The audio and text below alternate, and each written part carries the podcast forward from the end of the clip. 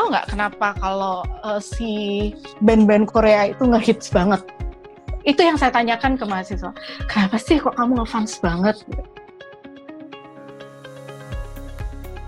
Salam edukasi. Dengan semangat pendidikan, kita akan mengulasnya. Halo semua, jumpa lagi di podcast edukasi. Ternyata podcast edukasi itu tidak jadi tayang setiap hari Rabu dan Minggu, tapi khusus tayang hari Minggu saja, seperti itu. Nah, kalau di podcast episode sebelumnya, kita sudah berbincang dengan seorang dosen dan juga seorang uh, kreatif ya. Kali ini kita juga masih berbicara dengan seorang dosen, eh, seorang dosen dari Universitas Negeri Surabaya, seperti itu.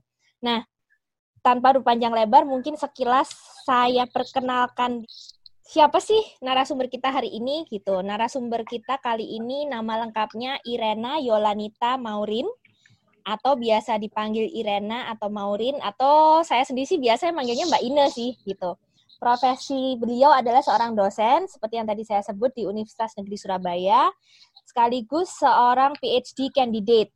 Nah, tanpa panjang lebar, langsung saja ya kita colek nih Mbak Ine gitu. Mungkin bisa menceritakan sedikit Mbak sekarang aktivitasnya apa dan PhD-nya itu apa Mbak yang dipelajari dan ngambilnya di mana mungkin?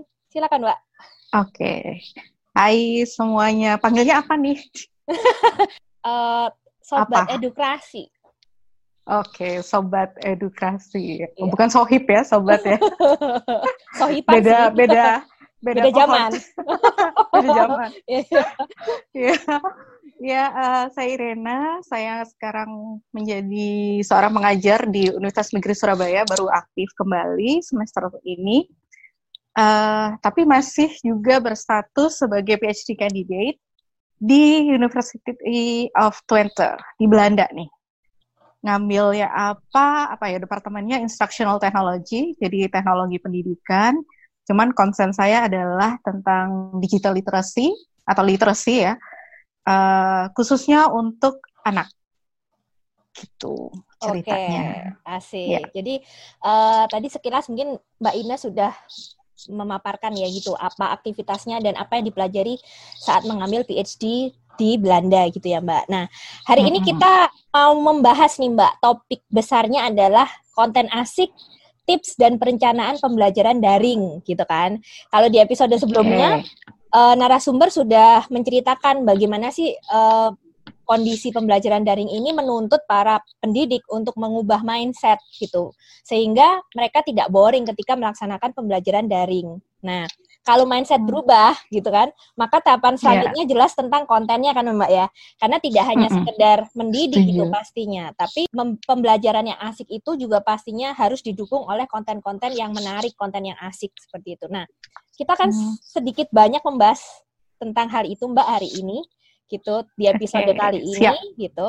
Nah, cuman seperti biasa di awal kita masuk di bagian yang namanya the issues kita akan membahas uh-huh. isu-isunya dulu nih Mbak. Isu-isu yang mungkin Mbak sempat dengar ya, gitu kan uh, karena seorang dosen juga, terus jadi narasumber juga di berbagai acara gitu. Mungkin pernah mendapatkan hmm. curhatan-curhatan dari uh, sesama pendidik gitu tentang isu-isu yang terkait dengan pembelajaran daring.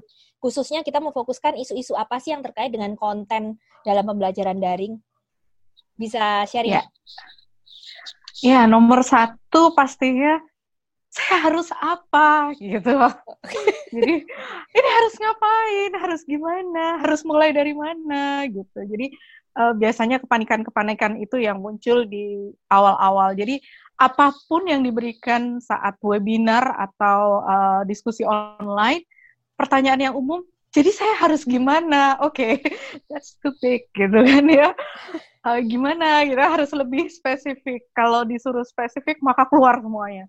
Pakemnya harus gimana? Terus harus uh, harus apa yang materinya harus gimana? Saya nggak biasa syuting video saya bilang ah oke okay.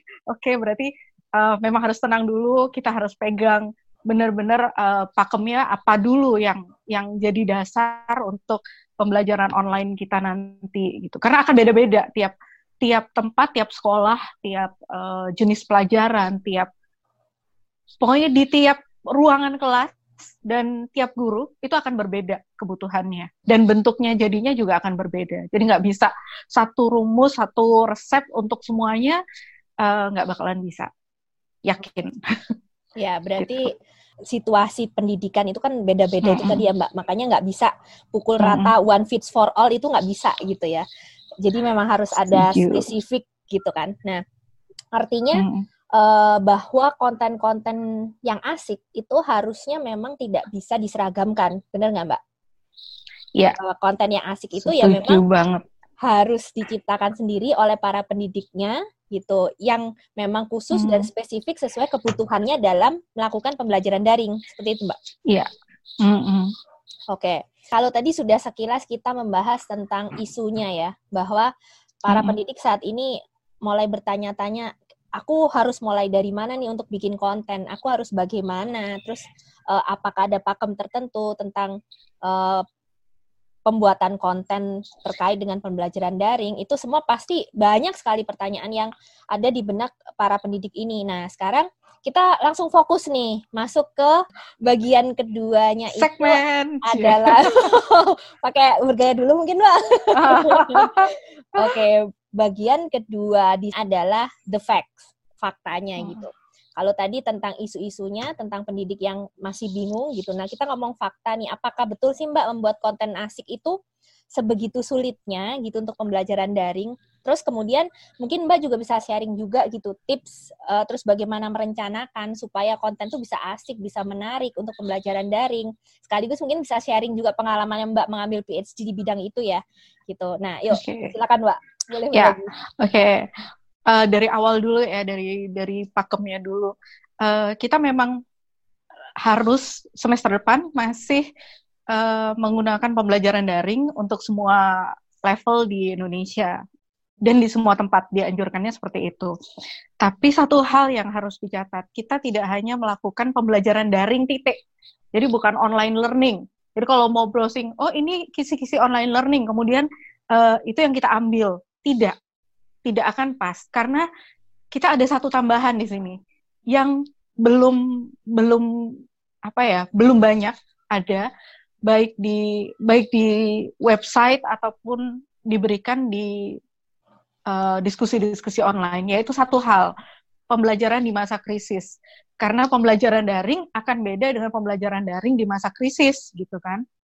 Banyak uh, banyak pertimbangan kalau mau melakukan pembelajaran daring. Yang paling umum inilah ya, kuota ya. Kuota sama bandwidth sama gadgetnya gitu kan. Tapi kalau di pembelajaran daring di masa krisis, ada tambahannya selain pertimbangan-pertimbangan yang berkaitan dengan teknis tadi adalah mental. Keadaan psikologis, kesejahteraan psikologis siswa, kesejahteraan psikologis si pengajar gitu kan. Ini yang kadang kita lupa gitu.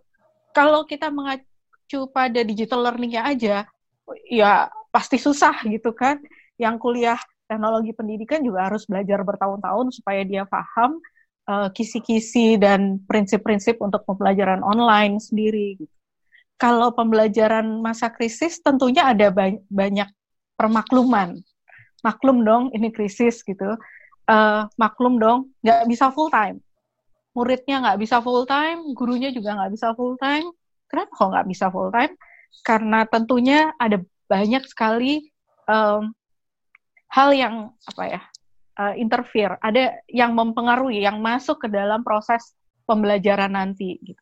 Simpelnya aja kalau belajar di rumah lagi ngobrol gini, tahu-tahu uh, ada uh, bakso lewat gitu misalnya, atau atau ibunya teriak gitu, air udah dimatiin belum gitu, udah buyar konsentrasi kan gitu.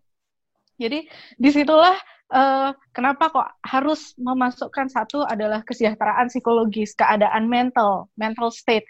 Uh, bisa bisa dalam keadaan baik gak pada saat melakukan proses itu? Itu yang harus jadi satu pertimbangan. Jadi sekali lagi uh, pakemnya adalah digital learning tapi plus psychological health atau mental health atau mental being ya yang harus dipegang. Itu yang di awal gitu. Ada pertanyaan? Terlalu cepat? Enggak, bawaan dosen. uh, sudah ya, sudah terlanjur penasaran gitu tentang itu tadi. Oh gitu. digital something something itu tadi. uh, boleh ya, mbak, saya terus sengaja dibawa ke situ. Oh, Oke. Okay. okay. Kemudian uh, setelah kalau itu sudah dipegang, maka uh, hal pertama yang harus dilakukan semua pengajar adalah mengenal dirinya sendiri dulu. Uh, aku tuh jago apa gitu. Ini waktunya untuk mengeksplorasi diri. Kayak misalnya uh, mau muncul di acara ini, ketika ditanya untuk uh, being fun, oh my god, gitu ya. Uh, terus terang salah satu kritik pada diri saya dari beberapa kali menjadi narasumber adalah setelah saya kumpulkan kebanyakan tapi apa? Tapi ibunya terlalu serius gitu. terus dalam hati astaga, apa kurang ada ice break? Udah ya, ada pertanyaan yang fun gitu kan. Uh, sebutkan makanan dari daerah masing-masing karena biasanya acaranya uh, nasional gitu kan. Sudah gitu maksudnya secara tatanan yang uh, ilmu pendidikan itu sudah saya lakukan. Gitu. Jadi harus ada ice break tiap uh, 30 menit atau 25 menit. Harus ada uh, interaksi dengan misalnya memberikan pertanyaan dan memberikan waktu untuk jawaban. Gitu. Semua teoritis karena saya orang ilmu pendidikan pasti pakai teori dan itu sudah dilakukan dan ternyata itu masih masih nggak ada yang kurang pas gitu ya, ya, Iya gitu. Karena apa? Karena uh, ya itu tadi kita tidak mengisi saya tidak mengisi uh, kebutuhan kesejahteraan psikologis masing-masing dari yang melihat saya gitu. Okay. Udah capek, tegang, mungkin seharian ngambil kelas berapa gitu kan, tiga kelas, empat kelas. Kemudian uh, materi, materi, materi, meskipun ada breaknya dan lain-lain, tapi kan tetap materi. Jadi diminta untuk something fun seperti yang juga diminta sama Mbak Laksmi ke, tadi ya bukan kemarin. Nanti itu trivia. Itu. Makanya diminta something fun. Oh my god apa gitu? Um, lucu enggak gitu. Jadi bagus banget kalau kalau yang menjadi pengajar itu yakin atau paham kalau dirinya humoris itu uh, aset yang bagus banget untuk hari-hari sekarang ini gitu. Kalau dulu mungkin dosen atau guru diminta serius sedikit dong di kelas pakai bahasa Indonesia. Justru pada saat-saat seperti ini, kita diminta untuk menggunakan bahasa yang uh, lebih personal. Setelah mengenal diri sendiri, kita juga harus mengenal yang nanti jadi audiens kita atau muridnya. Semua yang sudah saya punyai, saya miliki pengalaman-pengalaman dalam menguji uh, online di masa biasa-biasa saja, itu tidak bekerja saat ini. Jadi ada yang ketika ngobrol kemudian dia tidak bisa berkata satu pun. Sampai akhirnya harus berubah, harus tanya dulu, how's life gitu. Bahkan ketika bertemu tatap maya ini tidak bisa, saya harus texting dulu sebelum sebelum melakukan ujian online, saya harus texting dulu. Uh, gimana kabarnya? Terus uh, saya kasih inilah dari 1 sampai 10 moodmu di mana gitu. Ini yang membuat benar-benar harus mengenal uh, audiensnya dan satu persatu. Jadi kan agak-agak berat sebetulnya pembelajaran daring di masa krisis. Saya tahu beratnya itu berat di beban mental sebetulnya. Kalau untuk uh, yang tadi ya untuk masalah digital dan lain-lain memang bisa dipelajari uh, by the book secara teori ataupun secara pengalaman. Fine. Tapi untuk secara mental uh, benar-benar harus jadi orang yang peka sekali dan itu nggak mudah karena kita sendiri sebagai pengajar belum tentu kita dalam keadaan yang uh, apa ya mindfulnessnya udah jago gitu kan kadang kadang belum seperti itu dan kalau belum seperti itu biasanya jadinya nggak peka deh gitu. kayak ngechat tapi nggak dibalas gitu nggak peka eh lucu nggak sengaja garing lucunya gitu oke okay, oke okay. Hmm. Berarti di, di tadi analisa ya. Iya, itu kan hmm. tahapan awal ya Mbak sebelum membuat konten. Ya, tahapan gitu kan. dasar.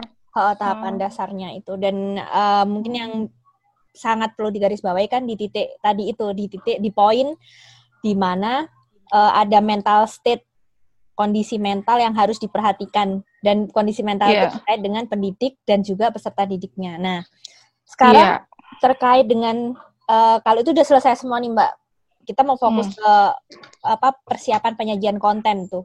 Nah, hmm. ada nggak sih Mbak strategi-strategi tertentu untuk membuat konten pembelajaran daring? Ya, tentunya. Bulan lalu ketika diminta oleh Dikti untuk memberikan pelatihan tentang hal ini, tentunya saya langsung bikin list gitu kan. Apa aja strategi dan metode-metode gitu. Kemudian ketika saya lemparkan pada pengajar seluruh Indonesia, justru uh, yang diminta adalah uh, minimalnya di mana sih gitu garis garis minimalnya seminimal mungkin itu yang boleh itu yang gimana gitu ah oke okay. jadi uh, kemudian saya ubah deh bukannya seberapa banyak mereka harus tahu dan explore atau seberapa banyak metode dan strategi yang harus dikuasai, tapi uh, minimal itu yang kayak gimana sih? Paling nggak kan dapat gambaran minimal ya. Masalah nanti mau mau mengembangkan itu kemampuan pribadi. Yang pertama tentunya namanya kayak film gitu, otomatis dari judulnya dong. Otomatis judulnya tidak bisa lagi uh, penjabaran kurikulum gitu. nggak nggak bakal males banget gitu. Uh, nanti tentang apa temanya penjabaran kurikulum? Ah udah bayangkan ya saya harus ngajar mahasiswa yang anak gaul sekarang itu ilmu-ilmu pendidikan teori belajar psikologi pendidikan yang judul-judulnya seperti itu gitu. Bayangannya pasti yang oh my god apalagi ini? gitu. Pasti bakalan memosankan dan lain-lain. Maka uh, hal ini yang harus di ubah. Itu loh seperti judul-judul di jurnalisme sekarang ini. Gitu yang kan clickbait gitu karena ya? memang ya benar sekali. Memang memang harus clickbait. Karena kayaknya si uh, millennials yang sudah jadi netizen ini sudah dimanjakan dengan judul-judul semacam ini gitu. Jadi kalau kita jadi guru terus kita menyajikan nanti kita belajar tentang uh, tambah-tambahan gitu oh oke. Okay. susah nih bayangannya. Atau yang bahasa Inggris nanti kita akan belajar tentang uh, perfect tenses. Oh, oh. my god. Mungkin judulnya jad, bisa jadi gini mbak. Belajar tambah-tambahan bikin kamu jadi milioner. Nah. Iya iya. Mungkin bisa jadi uh. Uh, misalnya uh, ngitung uh, jadi youtuber dalam waktu singkat gitu kan.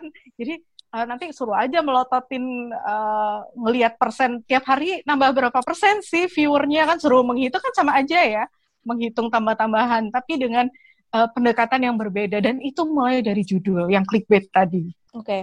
Gitu. Judul. Promosi ya dari ya. judul. Yeah. Kemudian uh, dari isi sekarang. Kalau dari isi, waduh kebanyakan yang dibilang ke saya, saya aja jarang-jarang pakai PowerPoint gitu.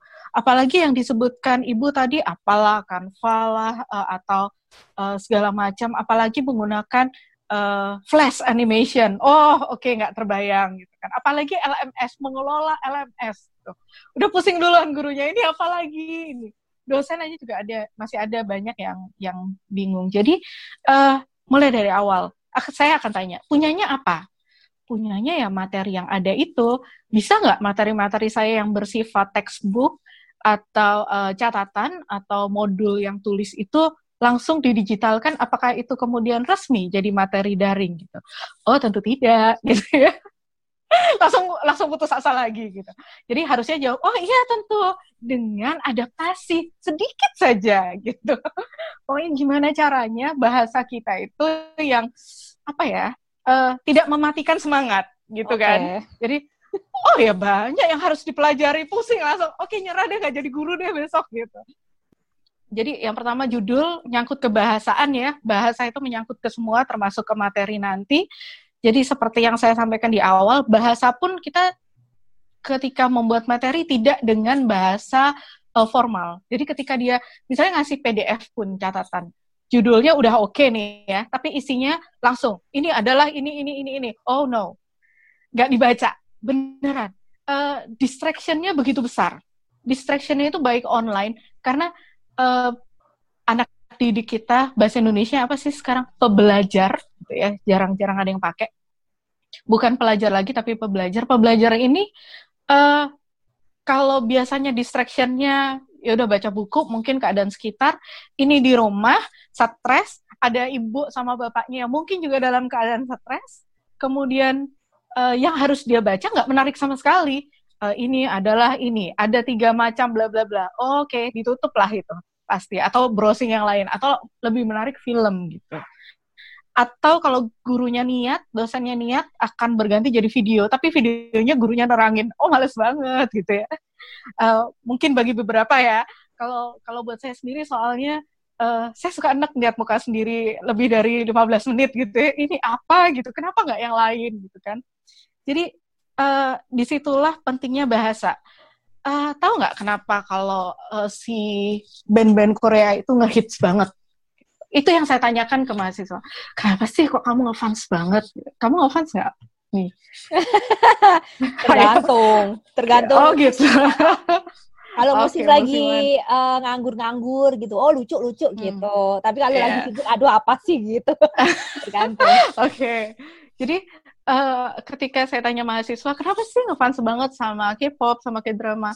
Karena gini, mem, mereka itu kalau kalau uh, lagi uh, mereka ada filmnya, mereka ada lagunya. Tapi di luar itu mereka juga ada sosial medianya di mana mereka sering banget berinteraksi, tapi mereka selalu mulai dengan, eh kamu apa kabar gitu. Tanpa kamu aku nggak bisa jadi kayak gini. Jadi serasa kami itu penting banget dalam hidupnya dia dan serasa kami itu dilibatkan dalam hidupnya dia gitu.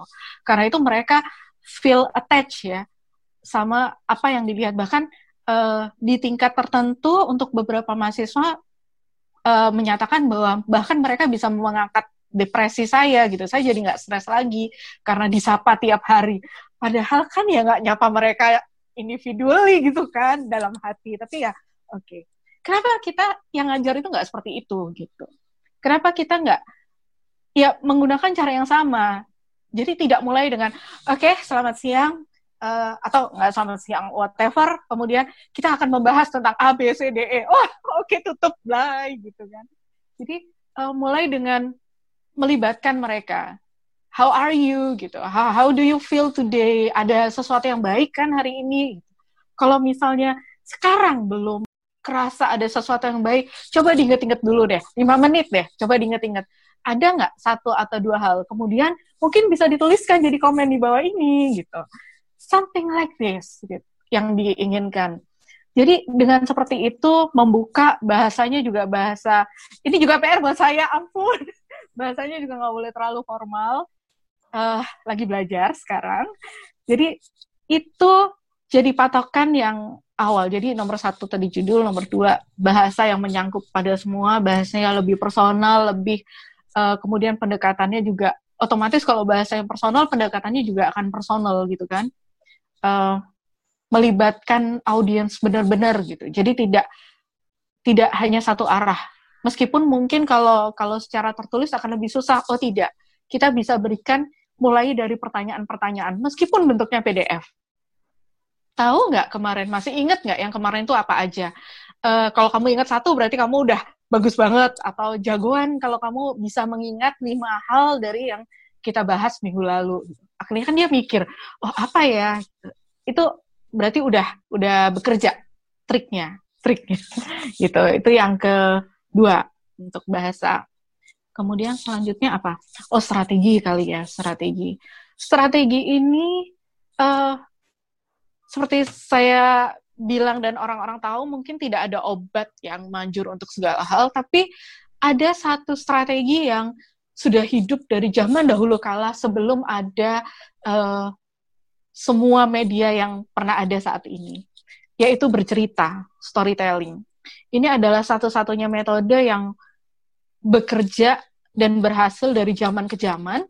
Kemudian untuk segala macam uh, bidang. Bahkan saya ditantang kemarin. Uh, tapi saya tuh ngajar teknik. Gimana caranya ngajar teknik pakai storytelling? Gini, uh, logikanya gimana?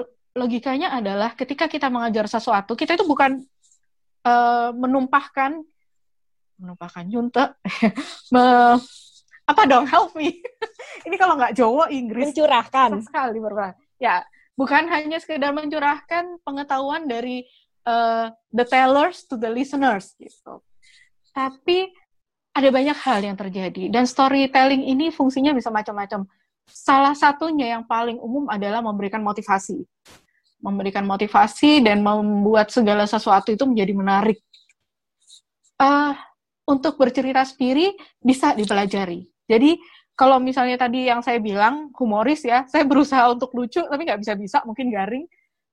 Tapi eh tapi mahasiswa kadang-kadang ketawa nggak tahu ini karena takut atau karena ikhlas gitu ya. Tapi kadang loh, mereka karena ketawa. gini sungguhan loh.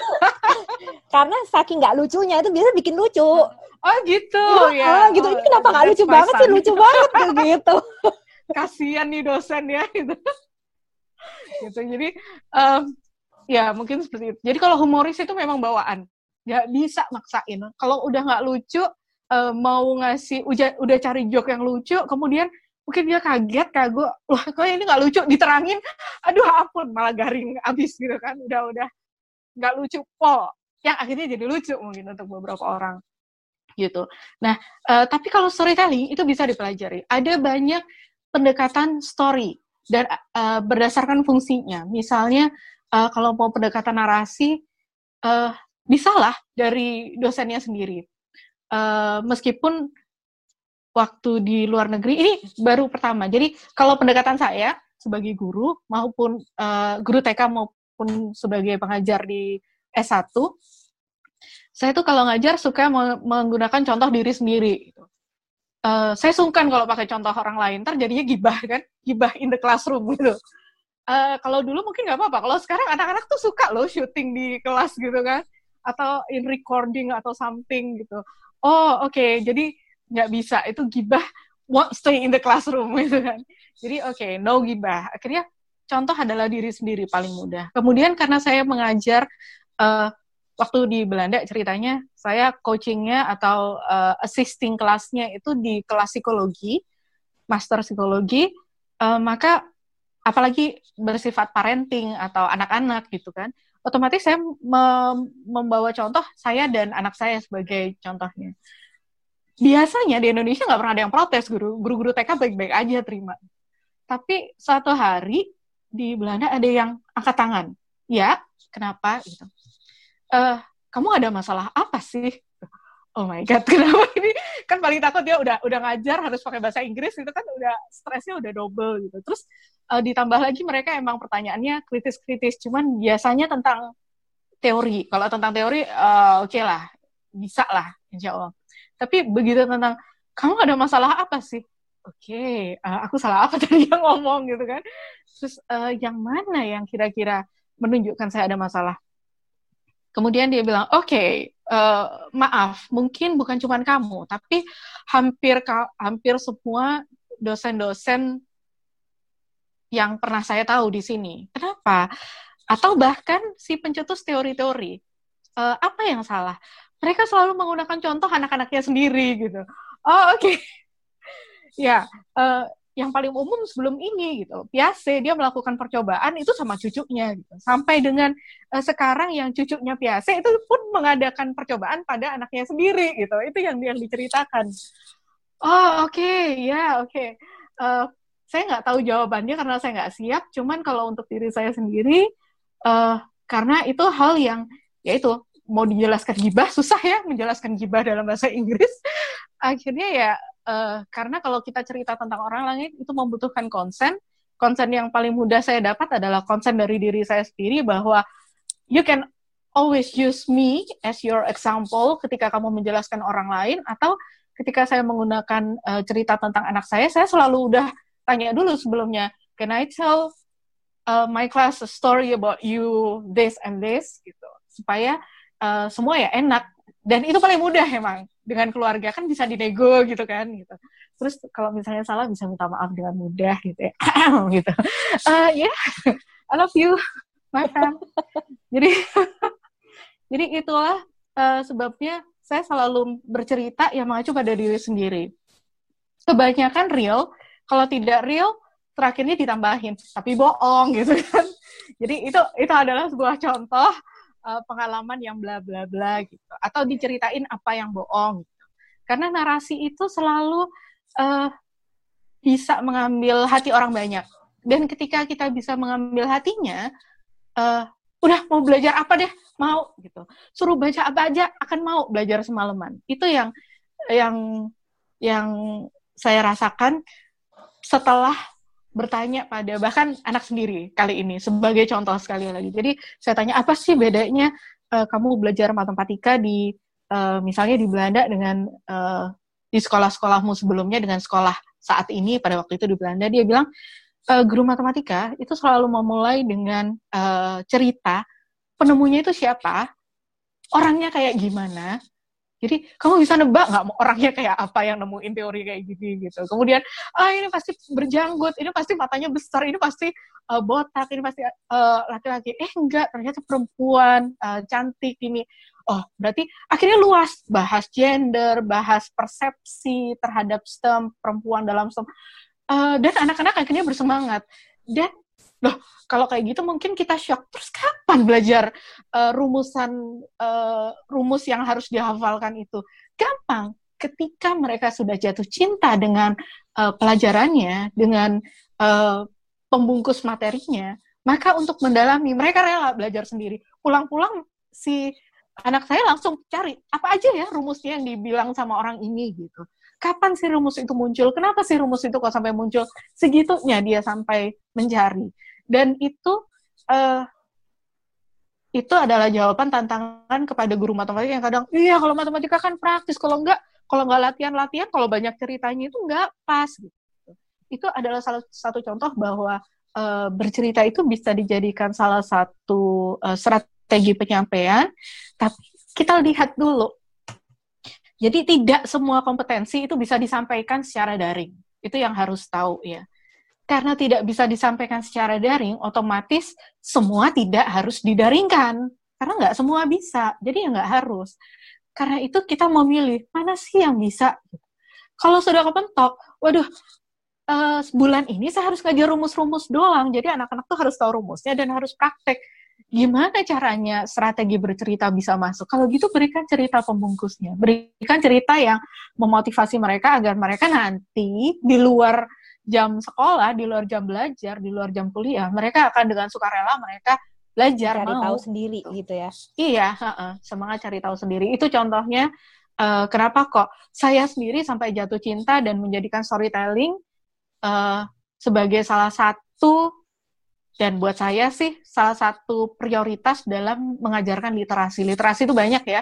Literasi itu ada visual literasi, uh, number literasi itu juga termasuk ya math literasi karena literasi adalah uh, pesan yang kita sampaikan pada orang lain apa pun bentuk pesannya apa pun isi pesannya maka kalau kita ngerti berarti literasi kita bagus dan itu butuh literasi yang macam-macam ini jadi bahas tesis jadi bahas disertasi ya gitu deh justru karena itulah Mbak diundang. oh gitu. Saya menarik, menarik okay. banget tadi dari ceritanya aja gitu uh, saat mendengarkan hmm uh, gurunya anaknya Mbak Ine gitu seperti itu hmm. gitu. Jangankan anaknya gitu, saya aja yang cuma hmm. dengerin dari uh, istilahnya kan Mbak udah pihak berapa? Kan? Iya dong, uh, yang oh, ya oh oke okay, gitu. Yang saya tuh yeah. langsung bermain-main dengan imajinasi saya sendiri gitu kan. Itu memang luar biasa yeah. sih. Oke, okay. itu uh, tips dan strategi yang saya pikir simple, it's very simple gitu. Hmm. Cuman itu sangat aplikatif sih gitu. Saya pikir semua hmm. guru uh, bisa lah untuk mengcreate cerita gitu ya. Nggak susah kan iya. sebenarnya yeah. gitu tinggal tinggal dipikirkan aja secara konsepnya. Untuk dilaksanakan oleh guru-guru langsung saat yeah. mengajar di pembelajaran daringnya. Nah uh, sesuai topiknya kan tadi konten asik tips dan perencanaan pembelajaran daring gitu kan. Itu tadi sudah dipaparkan takut bagian selanjutnya. Lebih tegang. gitu nah justru bagian selanjutnya ini mbak gitu sebagai sarana untuk tadi kan Mbak Ina sempat bilang ini kayak perlu perlu latihan deh supaya lucu. Nah, terserah sih gitu di di, di, lucu. di tahapan atau ending uh, podcast edukasi itu ada nama The Trivia di mana seluruh narasumber de, uh, podcast edukasi itu selalu senang-senang nih dengan cara mereka sendiri. Kita bebaskan sebenarnya apa yang mau dilakukan gitu kan. Jadi uh, kepada Akrobas. Mbak Ina kepada Mbak Ina waktu dan tempat dipersilakan. Mau apa nih Mbak. Gini jadi saya tuh um, saya nulis puisi. Tapi nulis puisi itu adalah uh, curcol. Jadi uh, ketika saya sumpek marah uh, marah menangis karena sedih atau upset kesal dengan sesuatu yang saya lakukan adalah menulis. Dan menulis ini biasanya uh, kalau nulis aja itu kata-katanya jadi uh, ajaib gitu kan sudah pasti itu uh, karena itu saya menantang diri saya dengan mau nulis puisi boleh boleh marah tapi kata-katanya harus beritma kan susah kan uh, jadi ketika saya baca lagi, karena gini, kalau kita nulis sesuatu yang bet, ngebetein, ketika kita baca lagi lima tahun dari sekarang, 10 tahun dari sekarang, itu kadang betenya kerasa kan, ya nggak? Jadi saya menantang, oke okay, nulis yang indah, gitu. Tapi ternyata tetap dark. Gitu. Oh my god, jadi sedih. uh, khusus ini trivia yang dark itu belum oh, pernah gitu. terjadi di podcast edukasi. Mungkin ini ya karena karena akhir-akhir ini berserang banyak kehilangan dosen kesayangan saya, kemudian uh, keluarga jauh, ada sahabat waktu SMA gitu. Jadi uh, ada satu puisi dalam bahasa Inggris, uh, judulnya Sadness, jelas dong, sedih ya. ya silakan.